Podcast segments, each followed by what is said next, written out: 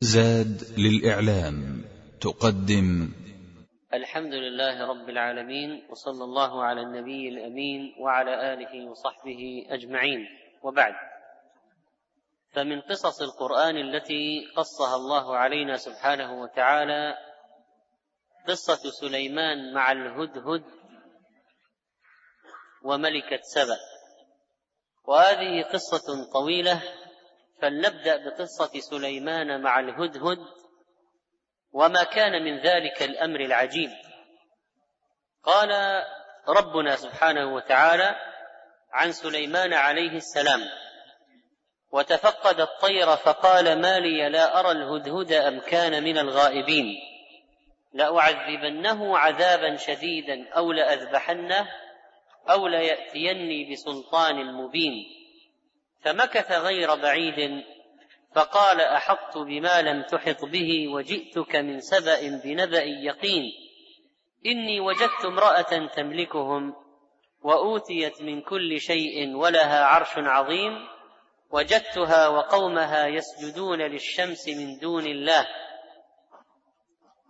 وزين لهم الشيطان أعمالهم فصدهم عن السبيل فهم لا يهتدون ألا يسجدوا لله الذي يخرج الخبأ في السماوات والأرض.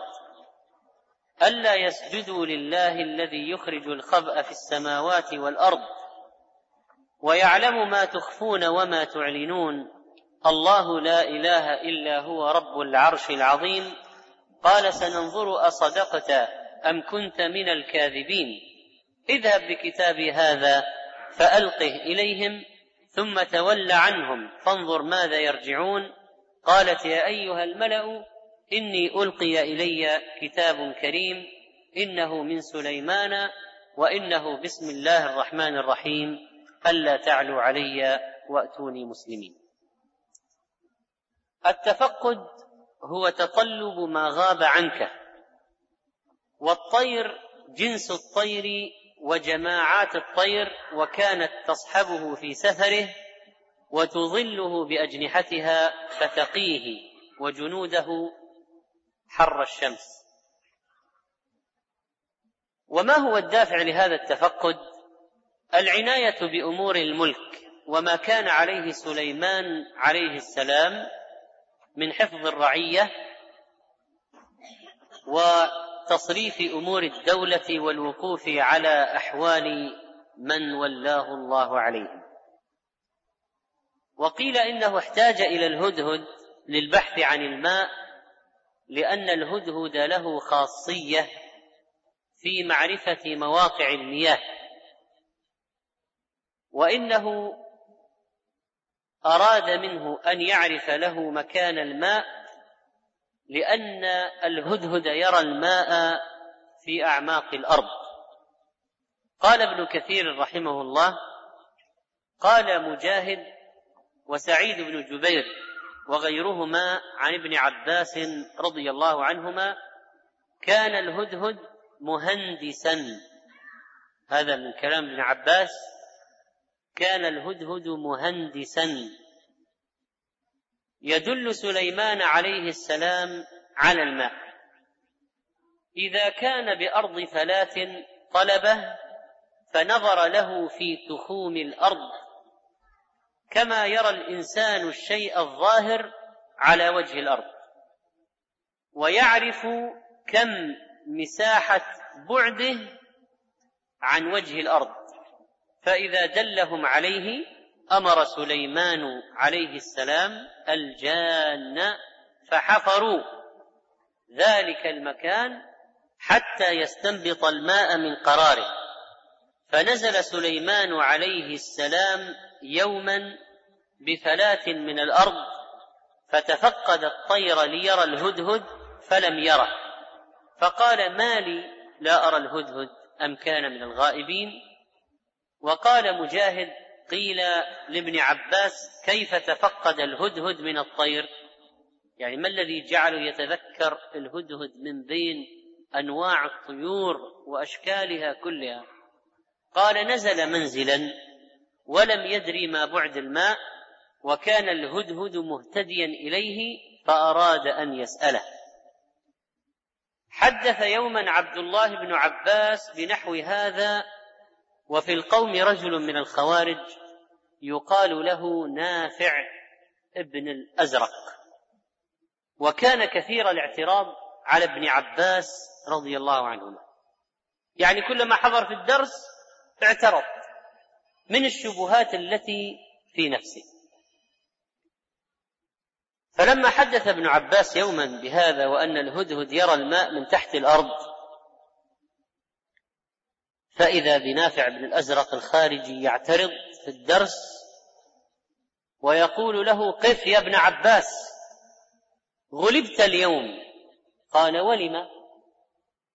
قال إنك تخبر عن الهدهد أنه يرى الماء في تخوم الأرض وإن الصبي ليضع له الحبة في الفخ ترا ويحثو على الفخ ترابا فيجيء الهدهد ليأخذها فيقع في الفخ فيصيده الصبي.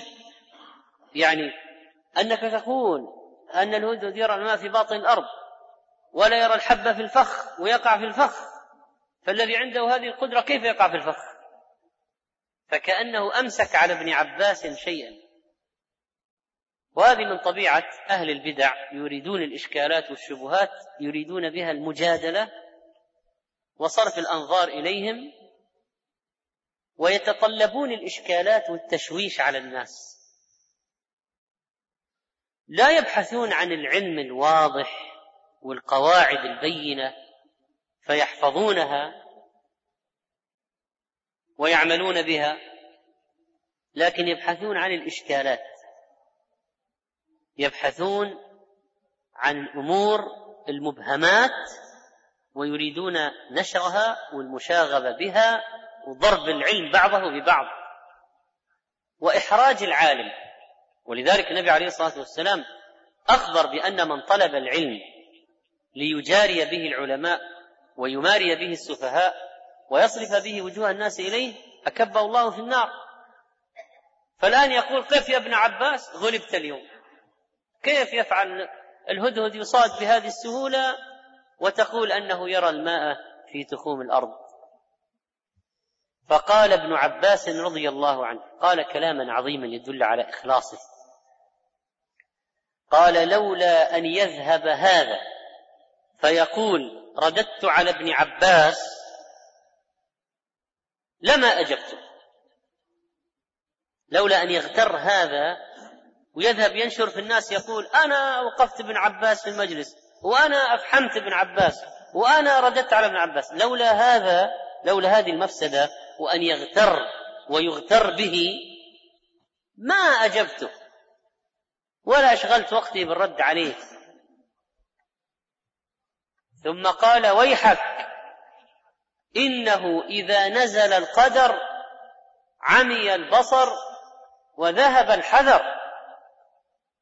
إنه إذا نزل القدر عمي البصر وذهب الحذر.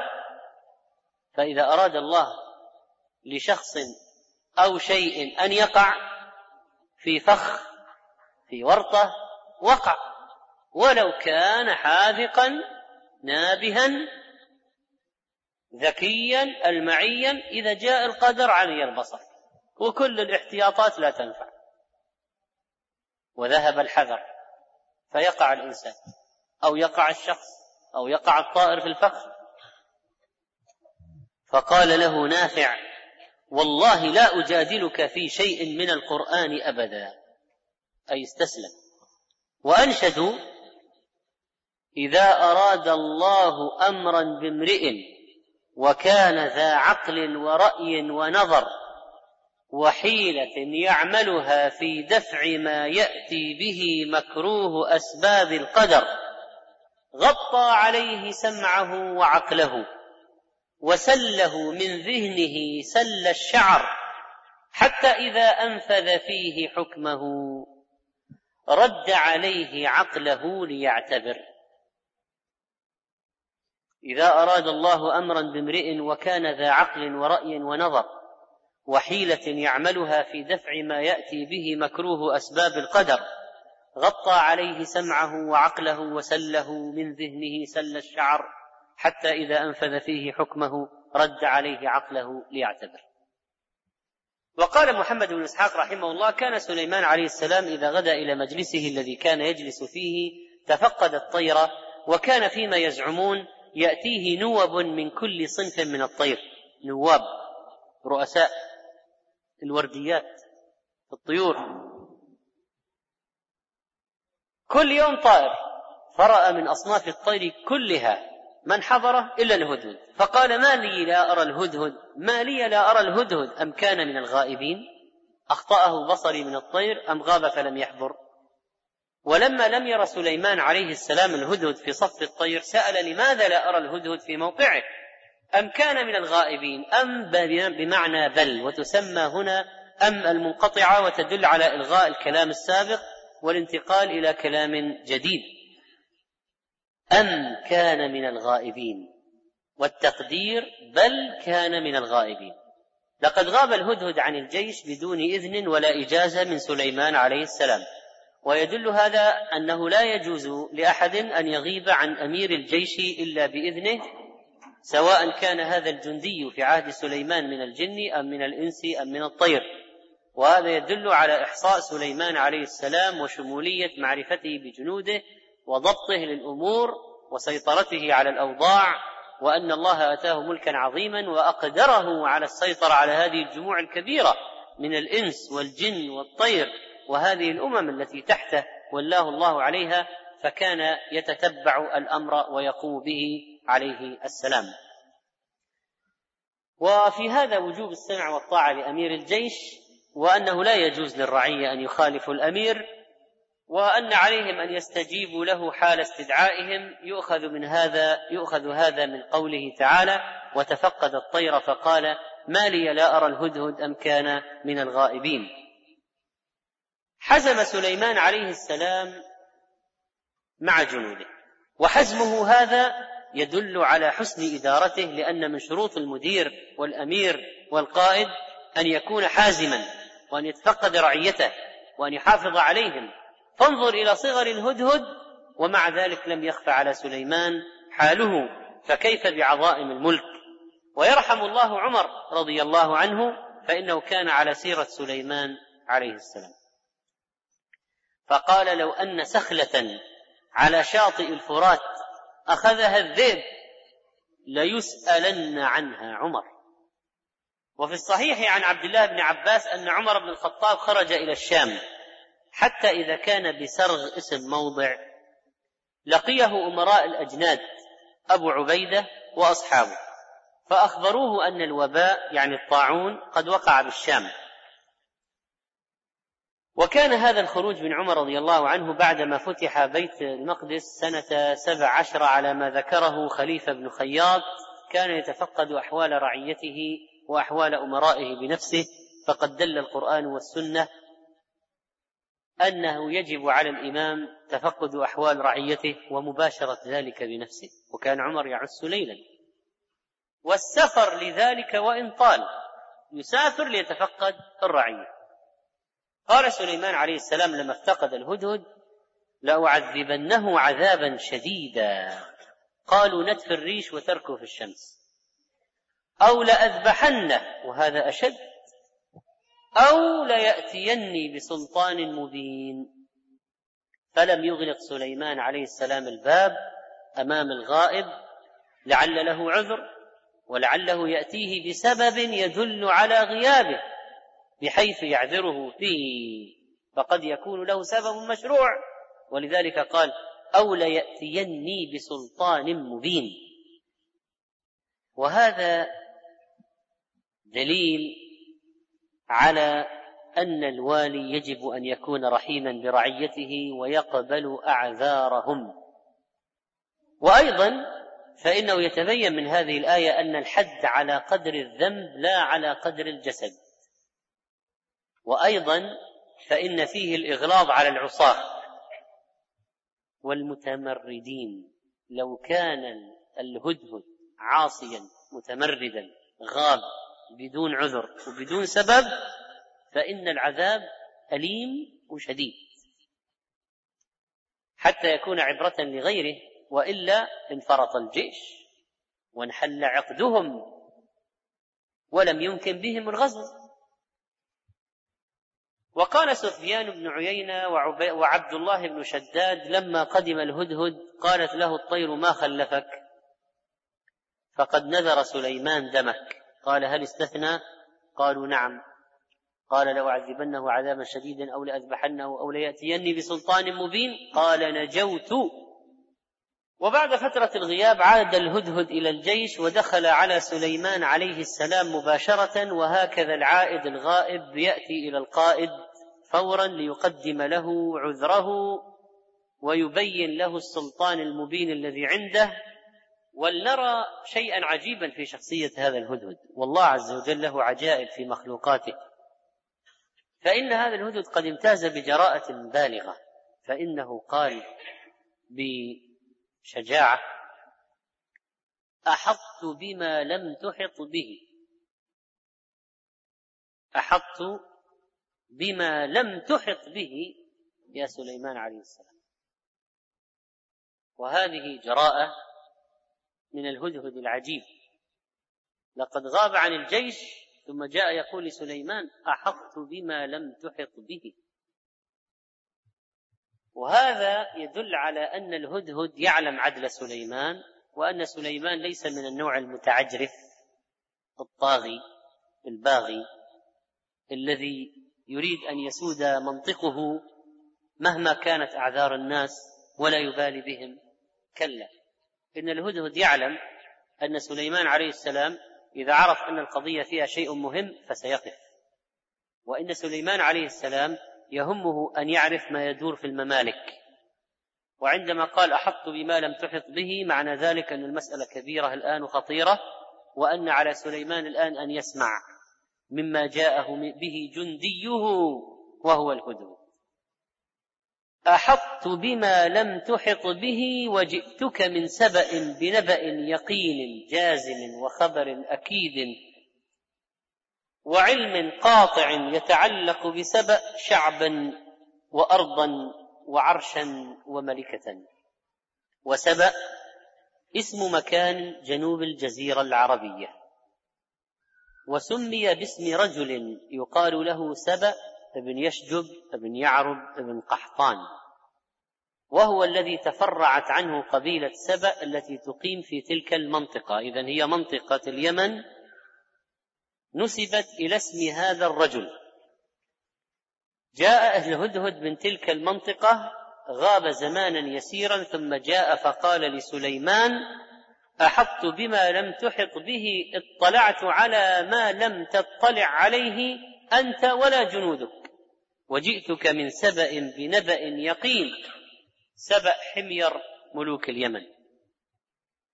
من أين جاء الهدهد إلى سبأ؟ جاء من مقر سليمان عليه السلام وكان مقر سليمان كما نعلم أين؟ في الأرض المقدسة.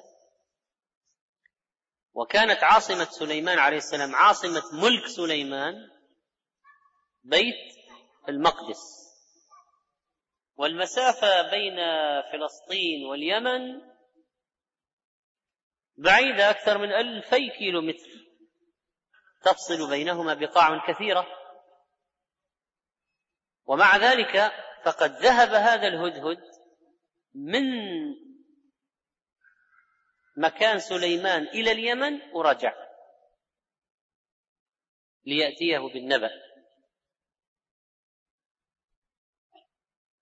وإذا جدير بالانتباه والتلقي والتشجيع. وهذا يدل على أن الأنبياء لا يعلمون الغيب. ومن زعم أن الأنبياء يعلمون الغيب فقد فجر. وضاد الله فيما أخبر به لا يعلم من في السماوات والأرض الغيب إلا الله. فكيف بمن يزعم أن الأولياء في قبورهم الموتى يعلمون الغيب؟ سبحان الله. وحكمة الله تعالى في أن خبر سبأ الذين سيدخلون في الدين بعد ذلك ويكون لسليمان عليه السلام موقف معهم مملكة كاملة قائمة. قد جاء خبرها على يد طير صغير ضعيف ولكن قال الله وما يعلم جنود ربك إلا هو. لقد قدم الهدهد العجيب تقريرا منسقا مفصلا متكاملا عرض فيه خلاصة واقع سبأ وعقب عليه تعقيبا يبين رفضه فيه للضلال. إني وجدت امرأة تملكهم. هذا اولا. وهي بلقيس بنت شراحيل ملكة سبأ كما قال الحسن رحمه الله. تملك القبيلة. وقد أمعن هذا الهدهد الباحث أمعن نظره في أحوال المملكة ومظاهر ما فيها فوجد عندها شيء فوجد عندها شيئا كثيرا. ولهذا قال ولهذا قال وأوتيت من كل شيء. فهذه الملكة عندها من متاع الدنيا كثير من الأموال والسلاح والجنود والحصون والجواهر ولها عرش عظيم كبير تجلس عليه مزخرف بالذهب وأنواع الجواهر واللآلئ. لها عرش عظيم وكانت سبأ قوية مزدهرة في ذلك الوقت وها هي ملكتهم قد أوتيت من كل شيء من أمور الدنيا. وهذا الكلام يدل على دقة نظر الهدهد واهتمامه بالبحث وملاحظته حتى لعرش ملكة سبأ ووقوفه على ضخامته وعظمته. ولا شك والعرش سرير الملك سرير الملك. أن عرشها كبير. لكن العجيب أن هذه القبيلة على قوتها تملكها امرأة والمرأة أضعف من الرجل. ولذلك فإنه لا يجوز في شرعنا أن تتولى امرأة الولايات العامة كالخلافة الإمامة الإمارة قيادة الجيوش القضاء. الولايات العامة لا يجوز للمرأة أن تتولاها رغم أنف دعاة مساواة وتحرير المرأة من الإسلام. رغم أنف دعاة تحرير المرأة من الإسلام الذين يريدون أن يحرروها من الشريعة رغم أنفهم فإنه لا يجوز للمرأة أن تتولى الولايات العامة. قال أبو بكرة رضي الله عنه لقد نفعني الله بكلمة سمعتها من رسول الله صلى الله عليه وسلم أيام الجمل. بعدما كدت أن ألحق بأصحاب الجمل فأقاتل معهم.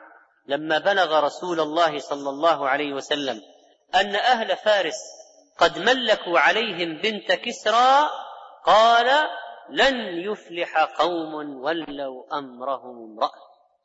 رواه البخاري. لن يفلح قوم ولوا أمرهم امرأة. لن يفلح. رواه البخاري. و ولوا أمرهم أي جعلوا أمورهم بيد امرأة. وهذا يبين أن بعض البلدان التي ولت النساء لو استقلت المرأة فيهم بالأمر لخربت البلد خربت البلد. لكن المرأة وإن تولت كتاتشر وبوتو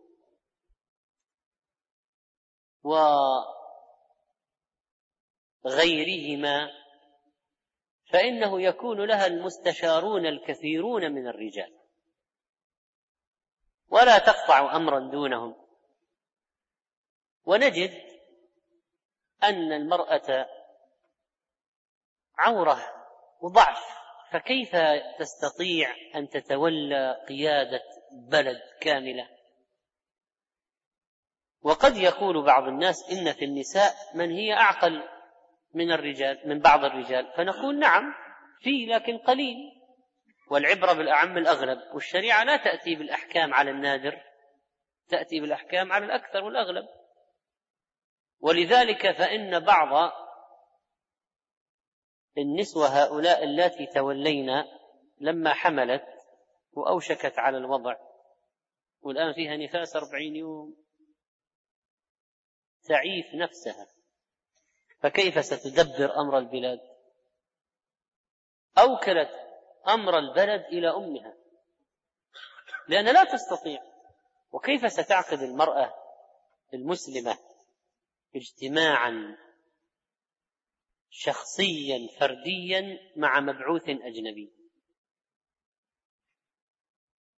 لأن من أمور السياسة أن تعقد اجتماعات خاصة.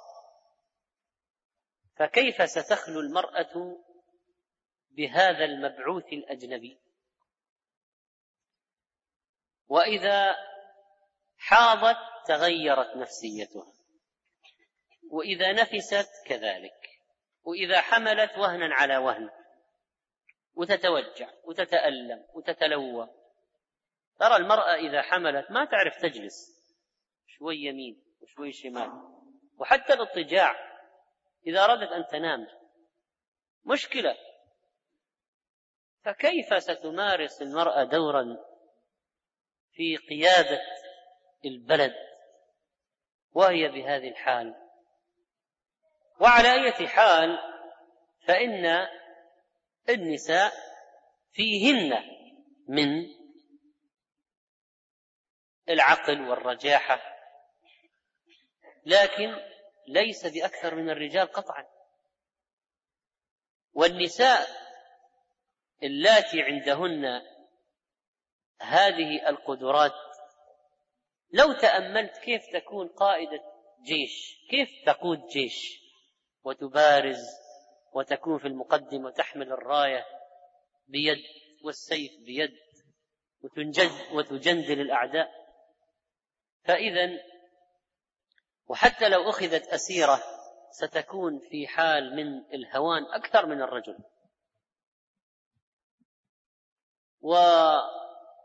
وربما حصل عليها من ألوان الذل الشيء الكثير. ولذلك فإن المرأة في الإسلام لها موقعها المناسب لها والرجل عليه أن يحميها وأن يقوم بشأنها وأن يدافع عنها. والله عز وجل ما كلفها فوق طاقتها ولم يجعل النفقة عليها. المرأة في الإسلام مصونة مصانة والمرأة في الإسلام لها خصائص ولها أحكام خاصة والله عز وجل رفع الحرج وأعفاها من عدد من الأشياء فهي في وقت الحيض لا تصلي ولا تقضي الصلاة لا تقضي الصلاة. وكذلك فإنه لا يمنع أن يكون في النساء من صاحبات الرأي السديد والفكر الجيد وقد أشارت أم سلمة رضي الله عنها بآراء جيدة وملكه سبأ هذه كان فيها عقل راجح وكان فيها ذكاء.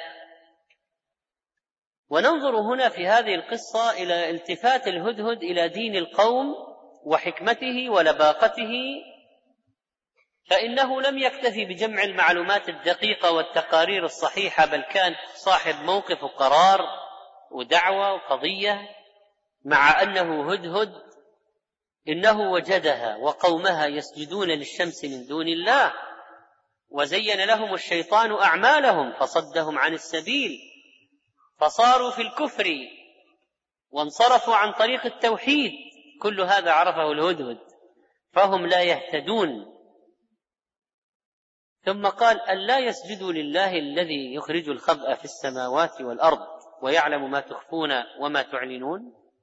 فيعلم كل خبيئة في السماء والأرض والخبء قيل هو الماء وقيل سائر الأرزاق وقيل النبات وهذا مناسب لطبيعة الهدهد وحاله.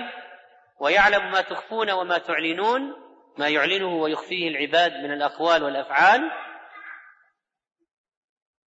فلا تنبغي العبادة والإنابة إلا لله لأنه المألوه صاحب الصفات الكاملة والنعم العظيمة سبحانه وتعالى.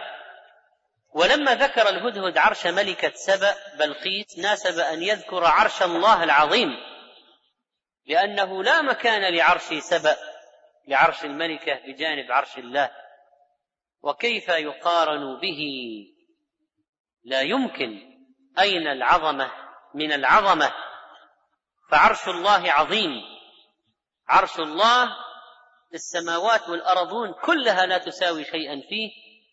وإن السماوات السبع والأرضون بالنسبة للكرسي موضع القدمين كحلقة في صحراء. فكي والكرسي بالنسبة للعرش كذلك. فماذا تكون؟ ماذا يكون اذا عرش ملكة سبأ بالنسبة لعرش الله؟ إذا السماوات السبع والأرض كلها تضيع في عرش الله وليست بشيء ولا هباء ولا ذرة فكيف عرش ملكة سبأ؟ فالله ذو العرش العظيم سبحانه وتعالى. ولما كان الهدهد داعيا إلى الخير ولما كان سجل موقفا في التوحيد والدعوة فإن النبي صلى الله عليه وسلم نهى عن قتله كما روى الإمام أحمد وأبو داود وابن ماجه عن أبي هريرة رضي الله عنه أن رسول الله صلى الله عليه وسلم نهى عن قتل الصرد والضفدع والنملة والهدهد وهو حديث صحيح. فبعضها نهى عنه لأنه ضار وبعضها نهى عن قتله لئلا يحدث التجبر على المخلوقات الضعيفة الصغيرة كالنملة. وبعضها نهى عن قتله لإعتبارات مثل الهدهد كما أنه أمر بقتل الوزغ لاعتبارات تاريخية أيضا وأنه كان ينفخ النار على إبراهيم لكي تزداد احراقا واشتعالا بخلاف المخلوقات الأخرى كانت تنفخ عليها لتطفئه.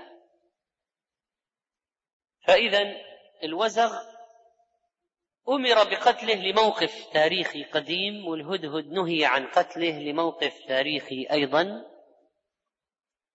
ولعل في أكله ضررا ولذلك نهي عن قتله وإذا كان لا يؤكل كالضفدع وأكله لحم لحم الضفدع خبيث فلماذا يقتل؟ إذا كان الأكل لا يجوز لماذا يقتل؟ والدواء لا يجوز لا يجوز أخذ الدواء من الضفدع أيضا.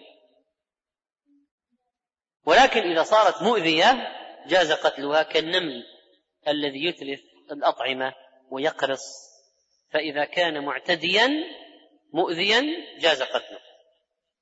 إن هذه الحيوانات والطيور والمخلوقات إن لها إحساسا وإنها تعرف ربها سبحانه وتعالى وإن هذا الهدد عرف قضية التوحيد وعرف الشرك وميز هذا عن هذا وكيف أن القوم يسجدون ويعبدون الكواكب من دون الله وأن الشيطان صدهم عن السبيل وأن الله لا إله إلا هو رب العرش العظيم وهذا يدل على أنها تسجد لله عز وجل كل المخلوقات.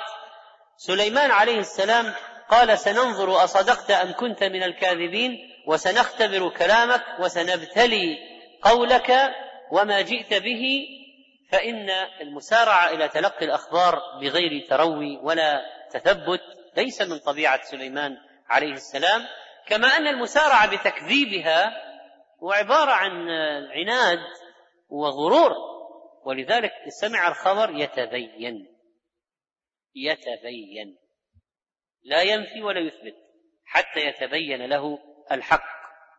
وهذا يدل على أن الإمام يجب عليه أن يقبل عذر رعيته ويدرأ العقوبة عنهم في ظاهر أحوالهم بباطن أعذارهم.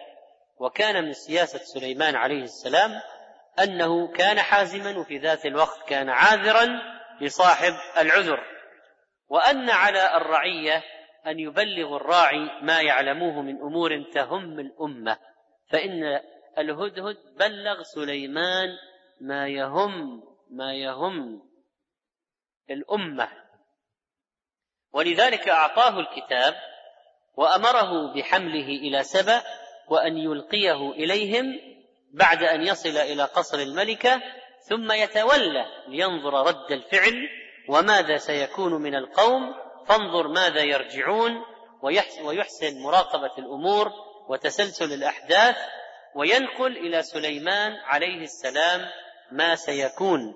ولذلك فقد طار الهدهد بتلك الرسالة في جناحه أو بمنقاره وحضر إلى بلاد القوم وجاء إلى قصر بلقيس إلى الخلوة التي كانت تختلي فيها بنفسها وألقى إليها الرسالة من قوة هناك بين يديها. وهي ترى ثم تولى عنها ادبا ورياسة وكياسة فتحيرت مما رأت وهالها ذلك ثم عمدت إلى الكتاب فأخذته ففتحت ختمه فقرأته فإذا فيه إنه من سليمان وإنه بسم الله الرحمن الرحيم ألا تعلوا علي وأتوني مسلمين. كلمات يسيرة فيها دعوة. إنها قضية إرسال الرسائل إلى المشركين لدعوتهم إلى الإسلام كما كتب النبي صلى الله عليه وسلم إلى كسرى وقيصر وإلى كل جبار في وقته يدعوه إلى الإسلام وهذا يدل على أن الدعوة يجب أن تتم بسائر الوسائل المشروعة فإذا كانت الرسالة فالرسالة والكلام فالكلام وإرسال الرسل إرسال الرسل وفي عصرنا سائر الوسائل التقنية وغيرها.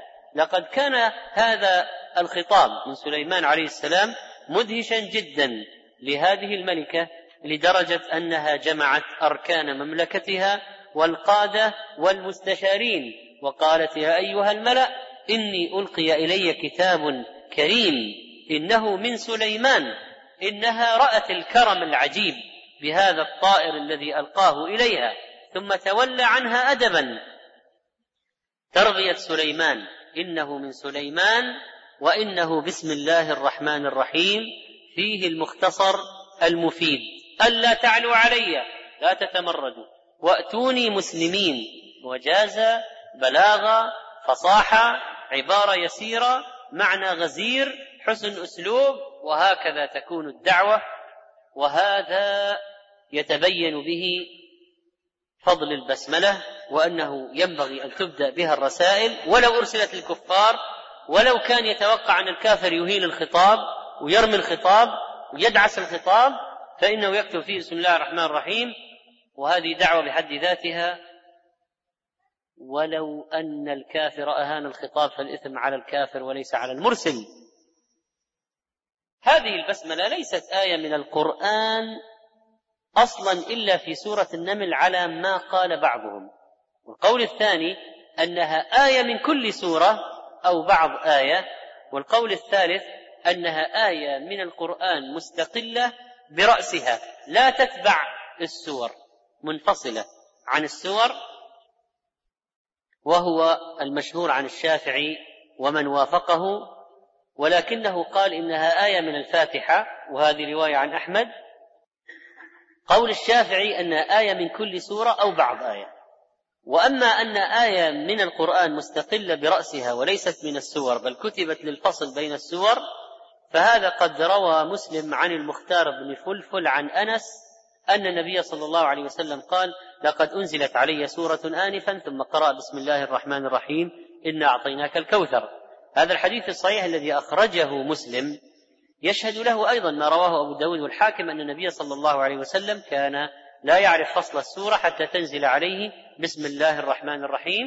إذا الراجح هذا والله أعلم أن البسملة آية مستقلة ليست من أي سورة ولكن اتفقوا على أنها بعض آية من سورة النمل واختلفوا هل هي من البسملة أم لا. آية مستقلة تنزل الفصل بين السور يعرف نهاية السورة وبداية السورة التي بعدها بالبسملة. ولذلك اختلفوا هل التوبة والأنفال سورة واحدة أم لا لأن البسملة لم تكتب بينهما واحتاط الصحابة فتركوا فراغا بين الأنفال والتوبة ولم يكتبوا بسم الله الرحمن الرحيم.